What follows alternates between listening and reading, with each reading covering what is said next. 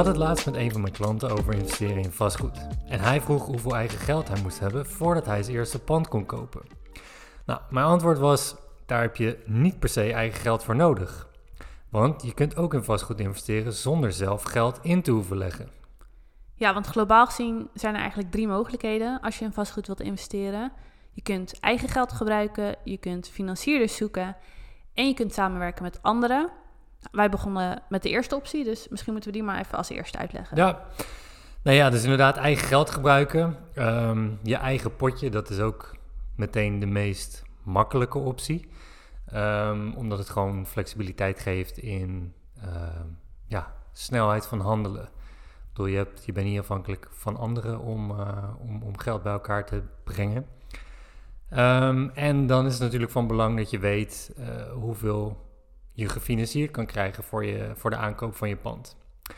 En over het algemeen geven banken tussen de 60 tot 80 procent aan loan to value. En loan to value wil dan zeggen de lening die je krijgt um, op basis van de waarde of de, de aanschafwaarde. Dus als je zegt uh, 60% LTV, dan krijg je 60% van de aanschafwaarde gefinancierd en dan zou je 40% zelf in moeten leggen. Dus het voordeel is, hoe hoger je LTV, hoe minder geld je zelf hoeft in te leggen. Ja, en is die LTV nog ergens afhankelijk van? Of is dat gewoon per bank verschillend? Nou, dat verschilt per bank. Het verschilt um, qua situatie, uh, qua risico-inschatting die de bank doet. Dus, nou ja, wat, wat je in onze situatie bijvoorbeeld ziet, is dat sommige banken in Engeland die lenen je 65% uit, omdat je een buitenlandse investeerder bent. Andere banken houden het op, uh, op 75%. Dus dat verschilt eigenlijk per bank en de risicoclassificatie die, die zij maken. Maar vaak heb je ook wel gewoon een keuze ehm, bij banken om, om gebruik te maken van verschillende loan-to-values. Dus het kan natuurlijk ook je eigen voorkeur zijn om meer of minder eigen geld in te brengen. Ja, dus als je een hoge loan-to-value hebt, dan moet je dus meer of hoef je minder eigen geld in te leggen. Maar op het moment dat je een wat lagere loan-to-value hebt of daarvoor kiest, leg je dus meer eigen geld neer, maar zijn, is je rente weer wat lager. Ja, precies. Dus, dus hoe, hoger, hoe hoger het bedrag wat je leent, hoe meer rente je eigenlijk betaalt. Dus, uh, dus, dus dat is wat dat doet voor je, uh, voor je rendement eigenlijk. Ja. Wat je eraan overhoudt maandelijks. En ja, simpel gezegd is het met een loan-to-value, als we daar even een rekenvoorbeeld voor pakken. Laten we zeggen, je krijgt 80% loan-to-value voor een appartement wat jij wil kopen van 125.000 euro. Dan moet je dus 20% daarvan zelf inleggen. 20% van 125.000 is 25.000 euro. Ja, dus dat heb je dan aan eigen geld nodig. Ja, maar dit rekenwonder dan wel even goed uit zijn hoofd gedaan. Heel goed gedaan. ja. Maar daar stopt het natuurlijk niet. Nee, kijk, je hebt natuurlijk wat extra kosten erbij. Ja. Um, dus een stukje financieringskosten, notariskosten. Je hebt kosten van uh, de kostenkoper, die heb je natuurlijk altijd. Um, uh, ook, ook middelingskosten als je werkt met een tussenpersoon. Dus wij werken eigenlijk altijd met een, met een tussenpersoon. Ja. Um, dat, dat brengt gewoon een hoop voordelen in. Um, nou, enerzijds hebben die natuurlijk een groot netwerk van financiers waar ze uit kunnen putten. En daarnaast nemen ze ook een hele hoop werk uit handen voor je. Heel veel uitzoekwerk, bespaart een hoop tijd. Ja, precies. Jij krijgt gewoon uh, crisp en clear een overzicht van wat er gedaan moet worden. En, en ja, ze, helpen, ze denken ook echt met je mee. Dus dat, dat is gewoon wel een voordeel. Maar goed, voor zijn dat wel werk, extra kosten. Ja, voor dat werk wat ze doen betaal je wel wat. Dus, uh, en, en dat verschilt per uh, tussenpersoon. Ja, ik denk dat je moet rekenen tussen de, tussen de half procent en de anderhalf procent van de hypotheekwaarde wat je als kosten kwijt bent daarvoor. En, en in totaal, dus als je dan zegt van bijvoorbeeld voor zo'n appartement van 125.000 euro, waarbij je dan 25.000 eigen geld moet inleggen. Hoeveel kosten komen daar ongeveer bij? Kan je daar een schatting van maken? Is dat echt de helft nog? Of is dat 10% van zo'n... Dat is nee. Nou, ja, inderdaad. Ik kan er wel zelf snel door. nee, nou, ik denk dat je met 10% wel, wel goed zit. Kijk, wat ze notariskosten en, en taxatiekosten, dan zit je tussen de 500 en 1000 euro per, per stuk. En dan heb je kostenkoper. Overdrachtsbelasting, dat zijn natuurlijk, dat tikt nog wel aan. Precies, Ja. dus dat eh Dus daar komt nog wel wat bij, inderdaad. komt er wel wat bij, ja. ja dus die- dus die 25.000 die we net noemden, dus die 20%, dan heb je enkel de aanschaf, voor, dan heb je enkel het pand gefinancierd. Ja. ja, en dan heb je, dat is dus met een loan to value van 80%, maar zou Ja. je 60 krijgen, dan zou je dus al 50.000 euro zelf Ja. moeten inleggen. Plus dan inderdaad nog Ja. die bijkomende kosten. En in dit geval gaan we natuurlijk uit van een appartement van 125.000 euro. De vraag is, is ga je dat nog een- realistisch nog? Ja, Ja. Nou, ik denk ergens in het noorden van, van het land eh, kan je dat wel prima vinden nog. Eh, in de rest wordt het wat moeilijker, maar ja. het gaat Nou ja, even maar als je het... een wat realistischer voorbeeld wilt, want in aflevering 2 dan vertellen we over onze eerste deal en dan vertellen we ook hoe wij dat hebben aangepast, wat onze loon of toegepast, wat onze loan to value was en ook Ja, welke kosten er allemaal bij kwamen, Ja, precies, hoeveel daar- het was. Dus in aflevering 2 gaan we Ja. wat dieper daarop in. En dan, eh, dan pakken we ook de echte bedragen ja, en kosten waar wij mee hebben gerekend. ja, ja, want die hebben wij dus zelf best wel wat eigen geld Ja. ingelegd. Ja. Optie 2. Je kunt ook financierders zoeken. Ja, financierders zoeken. En dan heb je natuurlijk meerdere opties in waar je die financierders zoekt. Je kan eh, heel dicht bij huis gaan kijken naar vrienden en familie. Dat is natuurlijk makkelijker dan wanneer je buiten die cirkel gaat kijken. Het voordeel met vrienden en familie is dat je natuurlijk... Zij vertrouwen jou. Dus, dus het is makkelijker om geld... ehm, ja, hoe zou ik het zeggen? Los te Los te peuteren. ja. Ja, nou ja, kijk, het is Bij je natuurlijk oude wel... omaatje. Nee, ja, nee, maar het is natuurlijk wel...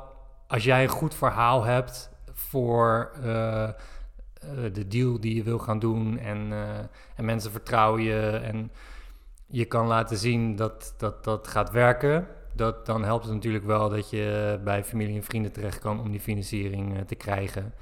Em, Maar En- wel altijd met een contract werken. ja, ook met dit- familie en vrienden. Nee, ja, precies. Ja. Dat, dat is... eh, moet je nou ja, nooit... je kan zeggen dat spreekt voor zich, maar dat, er zijn toch altijd weer Klopt, je moet gewoon heel duidelijk hebben, oké, hoe lang zijn. leen je dit geld? Eh, ja, alles vastleggen. Precies. En ook als je het van vrienden en familie leent, dan is het verplicht wel om rente daarover te betalen, toch? En dat moet dan Ja. marktconform ook zijn. Ja. Ja. dus het is, daar moet je dan altijd wel rekening mee houden. Het is niet zo dat Ja. je bij je ouders kan aankloppen en dat je Nee, dat maar goed, gratis... Nee, maar je hebt natuurlijk ook al, ook- laten we zeggen, ook al betaal je een, eenzelfde rente, dan heb je natuurlijk een groot voordeel, doordat je niet door die hele administratieve romslomp Nee, van banken moet. Dus ja, dat is wel een voordeel.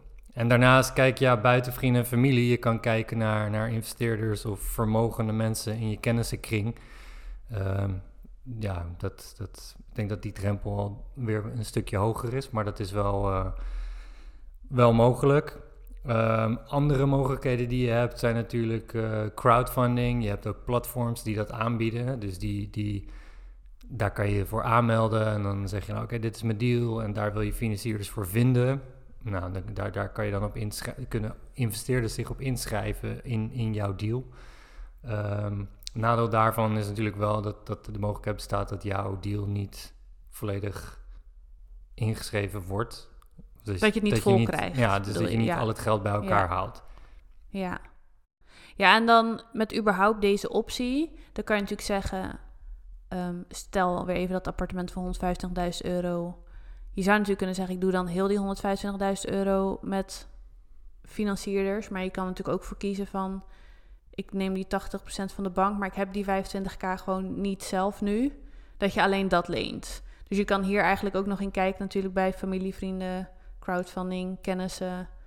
Van in, in hoeverre rek je dat op wat je van hun leent en hoeverre ben je afhankelijk van een bank. Ja, maar denk dat je verhaal wordt wel beter als je ook zelf geld erin stopt natuurlijk. Kijk, dat heb je bijvoorbeeld bij crowdfunding. Dan moet je ook laten zien, de onderdeel van je business case is... hoeveel van jouw kapitaal zit in die deal. Het risico voor investeerders is alleen maar groter als 100% eh, van, van het geld bij elkaar wordt gebracht door externe investeerders. Oké, maar dan zou je dus alsnog altijd eigen geld moeten inleggen. Dat hoeft niet. Kijk, met de crowdfunding snap ik dat het je betrouwbaarder maakt. Maar net als bijvoorbeeld met Klopt. vrienden of familie. Ja, je kan dat- natuurlijk zeggen van... Nou, ik heb 80% LTV, ik moet nog 20% en ik leen dat, dat van mijn moeder of mijn zus. Ja, nee, dat zou kunnen, ja. Dus ja, dat was optie 2. Ja, dus optie 2 is eigenlijk alweer een iets minder flexibele optie, maar, maar wel gewoon eh, Maar wel een makkelijke, denk ik, voor mensen die willen beginnen. Zeker. Maar die gewoon niet Ja, het nou geld hebben of een, of een kleiner potje hebben. Ik bedoel, dit is, dit is wat heel, in die zin heel veel mensen doen. Hè? Dat, dat heet ook other people's money. OPM eh, is gewoon een hele bekende term in, in, in de vastgoedwereld, waar, waar heel veel van gebruik wordt gemaakt. Ja. En dat, dat is natuurlijk, dus wat ik net zei, het, het gaat echt om het verhaal wat je erachter hebt. Dus als jij kan laten zien dat zo'n deal echt supergoed is en eh, dat je heel erg serieus eh, hiermee bezig bent, dan krijg je natuurlijk veel makkelijker geld los van, van mensen. En dat zijn mensen die misschien een aardig potje hebben in je omgeving, maar niet per se de tijd of de middelen, mogelijkheden hebben om zelf naar die deals op zoek te gaan, maar die wel hun geld aan het werk willen zetten. Ja, dat wilde ik net Dus zeggen, want het voor hun is het ook natuurlijk een groot voordeel. Want Ja. als jij hun gewoon 3, 4 procent moet betalen Precies. bijvoorbeeld... en zij zegt ze hebben 50.000 euro op hun spaarrekening staan... waar Ja. ze nu, eh, wat is het, 0,1 procent eh, Ja, of niks. krijgen. Of inderdaad helemaal niks. En als jij dan kan zeggen van... nou, ik, ik leen het voor een jaar tegen 3, 4 procent... dan eh, is dat voor hen natuurlijk ook een heel groot voordeel. Nou ja, dus het is voor... Ik denk dat dit voor heel veel mensen wel een hele slimme manier is... dat als het mogelijk is in je omgeving... of anders inderdaad via kennissen of crowdfunding... Ja, om in ieder geval te kijken van... ja, kan ik het dan op deze manier doen? ja Want- ik, zou het, ik zou het zeker niet bij voorbaat al uitsluiten. En misschien moet je er voor jezelf een, eh, een drempel over. Eh, van ja, wil, je, wil je dat vragen aan, aan vrienden en familie? Maar in die zin moet je het zien als, als ja, je doet iemand er ook een dienst mee. Ik bedoel, eh, wat je zegt, ja, je kan iemand hoger rendement geven dan dat het geld nu gewoon zomaar staat. Ja. Het is gewoon een stukje inventiviteit en ondernemerschap daarin. Ja, en het is ook, denk ik, dat heel veel mensen... die hebben toch zo'n beeld van vastgoed is alleen voor rijke mensen. Of dat kan alleen als je Ja. heel veel geld hebt. Waardoor ze inderdaad bijvoorbeeld wel denken... ik kan dat niet. Maar als je het op deze manier doet... als je dus eigenlijk gewoon een beetje kan leunen op de mensen om je heen... om te beginnen. Kijk naar zo'n eers- eerste deal. Als je dat goed aanpakt... ja, dan heb je ook alweer geld... om daar vervolgens mee door te kunnen bouwen. En op die manier kan je het dan beetje bij beetje uitbouwen... en dan steeds Ja. meer gaan naar een constructie... waarbij je het allemaal vanuit eigen geld doet. Ja, en daarbij is het ook, als je die eerste deal hebt gedaan, dan heb je natuurlijk alweer een beter verhaal voor de volgende deal waar je eventueel weer geld voor op wil halen, omdat je het dan een keer succesvol hebt gedaan, et cetera. Ja, ja, inderdaad. Dus dit is vooral een hele goede voor de mensen die denken: vastgoed kan ik nog niet. Het kan wel, maar misschien moet je even Ja, uit je eigen of verder kijken dan je eigen bankrekening. ja, nee, precies. En, en echt kijken naar, naar, naar het netwerk wat je hebt. Ja, En gewoon een balletje opgooien. Ja. Ik bedoel, eh, ja. Je weet nooit wat er mogelijk is. Nee, je weet Ja. niet wat, hoe vermogend de mensen in je omgeving zijn of hoe bereid mensen in je omgeving zijn om je daarmee te helpen. De derde optie, dat was samenwerken met anderen. En ehm, ja, dat is waar we eigenlijk een tijdje geleden mee zijn begonnen. Ja, dat is, dat is inderdaad. Dus wij zijn nu eh, daar actief mee bezig. Ehm, dus wij hebben een, ja, een joint venture, heet dat, opgezet. Het is eigenlijk gewoon een soort van partnership waarmee je met één of meerdere mensen eh, gaat investeren in een deal. En ja, dat kan meerdere redenen hebben. Je kan het, en, en meerdere vormen ook. Je kan natuurlijk zeggen dat één persoon die in zo'n deal zit, alle kennis heeft, alle, het netwerk om dat te doen, ehm, ja, überhaupt de deals heeft gevonden, maar misschien niet het geld. En dan, ehm, dan vraag je andere mensen om eh, met jou in die partnership, in die joint venture te gaan om dat te financieren en dan zo'n constructie te maken. Of in ons geval, wat wij doen, een 50-50 eh, inleg eh, qua kapitaal om daar een, ehm, ja, een, deal mee te doen. En dat is in ons geval is dat omdat we wel meerdere mogelijkheden zagen in de markt om in vastgoed te investeren. Maar vanuit de portefeuille die we aan de ene kant aan het opbouwen zijn, ehm, ja, ook wel wat geld nodig hadden. En daarvoor niet alle mogelijkheden konden pakken die we zagen in de markt. En, en dus hebben gekeken naar, oké, hoe kunnen we toch nog profiteren van andere mogelijkheden die we zien? En daar andere mensen voor, voor vragen in een, in een samenwerking. Ja, want het is eigenlijk nu, nu zit vooral heel veel geld van ons in, in het guesthouse. Omdat dat eh, is gewoon een heel groot project wat we helemaal Ja. aan het verbouwen, uitbouwen, opnieuw bouwen zijn. Dus daar, ja, daar zijn we ook gewoon voorlopig nog wel mee bezig. Maar we zagen inderdaad daarnaast ook andere deals voorbij komen. Waarbij we dachten, ja, dit, dit willen we eigenlijk wel doen. Maar dat werd heel krap qua geld. Of ja, toen het meer ging naast elkaar ging leggen, dachten we op een gegeven moment dat gaat gewoon überhaupt niet Nee, lukken. niet lukken. Of, of qua tijdslijn, hè. Want Ja. wij, wij, wij zijn er dus ook op gericht om zoveel mogelijk van ons geld... nadat we een deal er weer uit te halen. Nou ja, dan kan je zeggen, oké, dat, dat gebeurt over een x-aantal maanden. Maar als je nu een deal ziet, ja, Ja. Dan, dan wil je er nu van kunnen profiteren. Die wil je nu pakken. Ja. ja, dus toen hebben we inderdaad gekeken van... oké, wie zijn dan mensen in onze omgeving... Ja, waarmee we dit misschien samen kunnen doen. Dus is eigenlijk, dit is eigenlijk een combi van optie 1 en optie 2. Ja, een stuk eigen geld, Ja. maar ook inderdaad een stuk leunen op een ander. Waarbij die ander daar natuurlijk ook heel erg op vooruit gaat. Want die ja heeft eigenlijk de kennis niet. Die kan leunen op onze kennis, op ons netwerk. Ja, Dus die legt dat geld in, krijgt daar vervolgens wel de helft van de winst van. ja. En, en het voordeel voor ons is dat wij die deal wel gewoon kunnen doen. Ja. Ehm, Waardoor Met- wij ook alsnog een stuk winst pakken. Precies. Ja. Ja, en dan is er eigenlijk nog een soort van bonusoptie. Ja. Ehm, nou, die vooral tegenwoordig denk ik wel heel relevant is voor heel veel mensen. En dat is dat je ook de overwaarde van je huis kan opnemen. En ja, dat is wel een soort van eigen geld, want het is jouw... Nee, dat is eigenlijk niet, hè? Nou ja, het is wel... Ja, het, bedoel, het, is wel geld van jou, het zit in je huis. Maar ja, het, het, het onderscheid, als je moet zeggen een onderscheid tussen eigen geld of overwaarde. Kijk, ik zou zeggen eigen geld is wat ik op de spaarrekening heb staan. Dat is mijn eigen geld. En die precies. overwaarde, ja, het is wel onderdeel van je net- netto waarde in die zin, maar het is niet zozeer nee, eigen maar geld of precies. zo. Zo voelt het denk ik voor heel veel mensen. overwaarde is niet iets wat je zo kan pakken gelijk. Nee. Dus in die zin, ehm, en er zijn heel veel mensen die nooit van hun overwaarde gebruik maken. Hè? Dus dan, dan is het ook nooit eigen geld. Nee. Ja, op, Want je kan er niks mee op dan. papier. Ja, precies. Maar je kan natuurlijk inderdaad, wat je zegt, die overwaarde opnemen om dat te gebruiken voor de financiering van, eh, van vastgoed. En dan kan je, ehm, wat we zeiden in de, in de eerste optie, in plaats van dat je het geld op je bankrekening hebt staan, kijk je wat je moet bijdragen aan eigen geld voor de aanschaf. En dat gedeelte aan overwaarde, plus eventueel kosten, die kan je natuurlijk opnemen. Heeft natuurlijk wel een aantal haken en ogen. Niet elke bank staat dat zomaar toe. Nou, ik weet vanuit onze omgeving dat, eh, dat iemand dat wel heeft gedaan recentelijk. En dat dat eigenlijk zonder voorwaarden was. Eh, dus ja. Maar hebben de meeste banken wel voorwaarden? Dan moet je uitleggen wat je met dat geld gaat Ja, doen. dan moet je eigenlijk wat je, wat je met het geld gaat doen. eh, of dat geld moet gebruikt worden om je eigen huis te verbeteren, inderdaad. Dus er zitten, zitten wel wat haken en ogen aan. Maar dat is iets wat je, wat je heel makkelijk kan checken bij, je- bij je bank. Ja. Op het moment dat je denkt van... hé, nou, ik heb ook wel aardig wat overwaarde. Die, dat wil ik wel aan het werk zetten. Ja, bel gewoon even naar je bank of je hypotheekadviseur... en dat krijg je zo te horen. Ja, want dat is natuurlijk zonde dat je zoveel mensen nu met die stijging de afgelopen jaren... die gewoon echt op 1, 2, 3, soms 4, 5 horen we zelfs... ton eigenlijk zitten. Dat zit vast in je huis, Ja, waar je helemaal niks mee kan. Terwijl op het moment dat je daar dus een deel... Kijk, je hoeft ook niet gelijk alles eruit te trekken... maar inderdaad een deel eruit trekt en daarmee in vastgoed gaat... ja, dan kan je het geld echt voor je Ja. aan het werk zetten. Nee, klopt.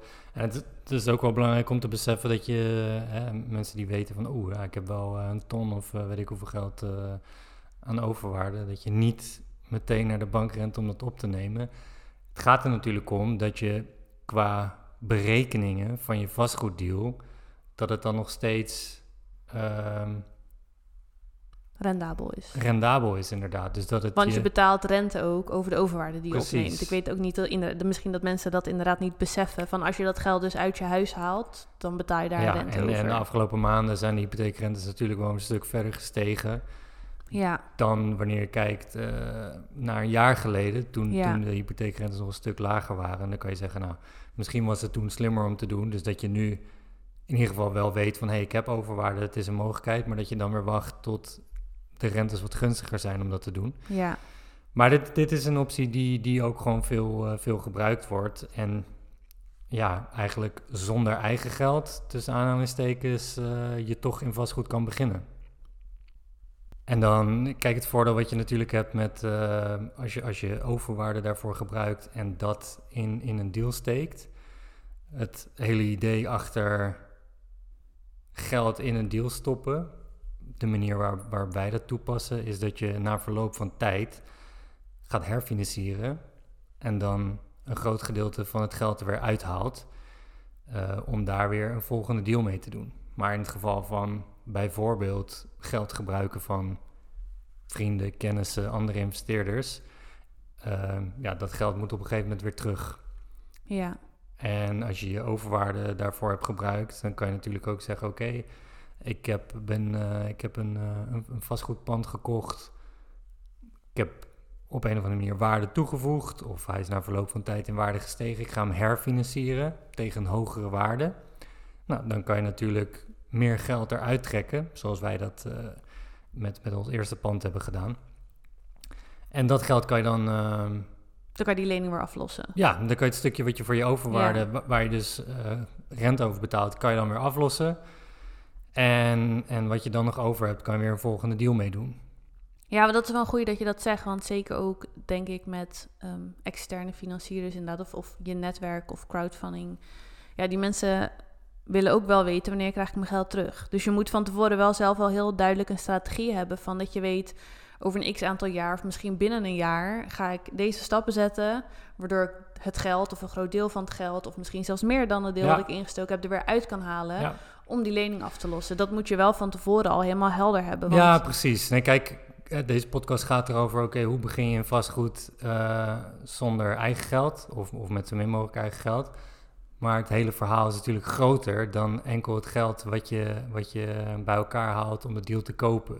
Ja. Uh, dat heeft, wat ik net zeg, als je je overwaarde van je huis gaat opnemen om dat te gebruiken, ja, daar zit een rentepercentage aan wat je hogere maandelijkse lasten geeft.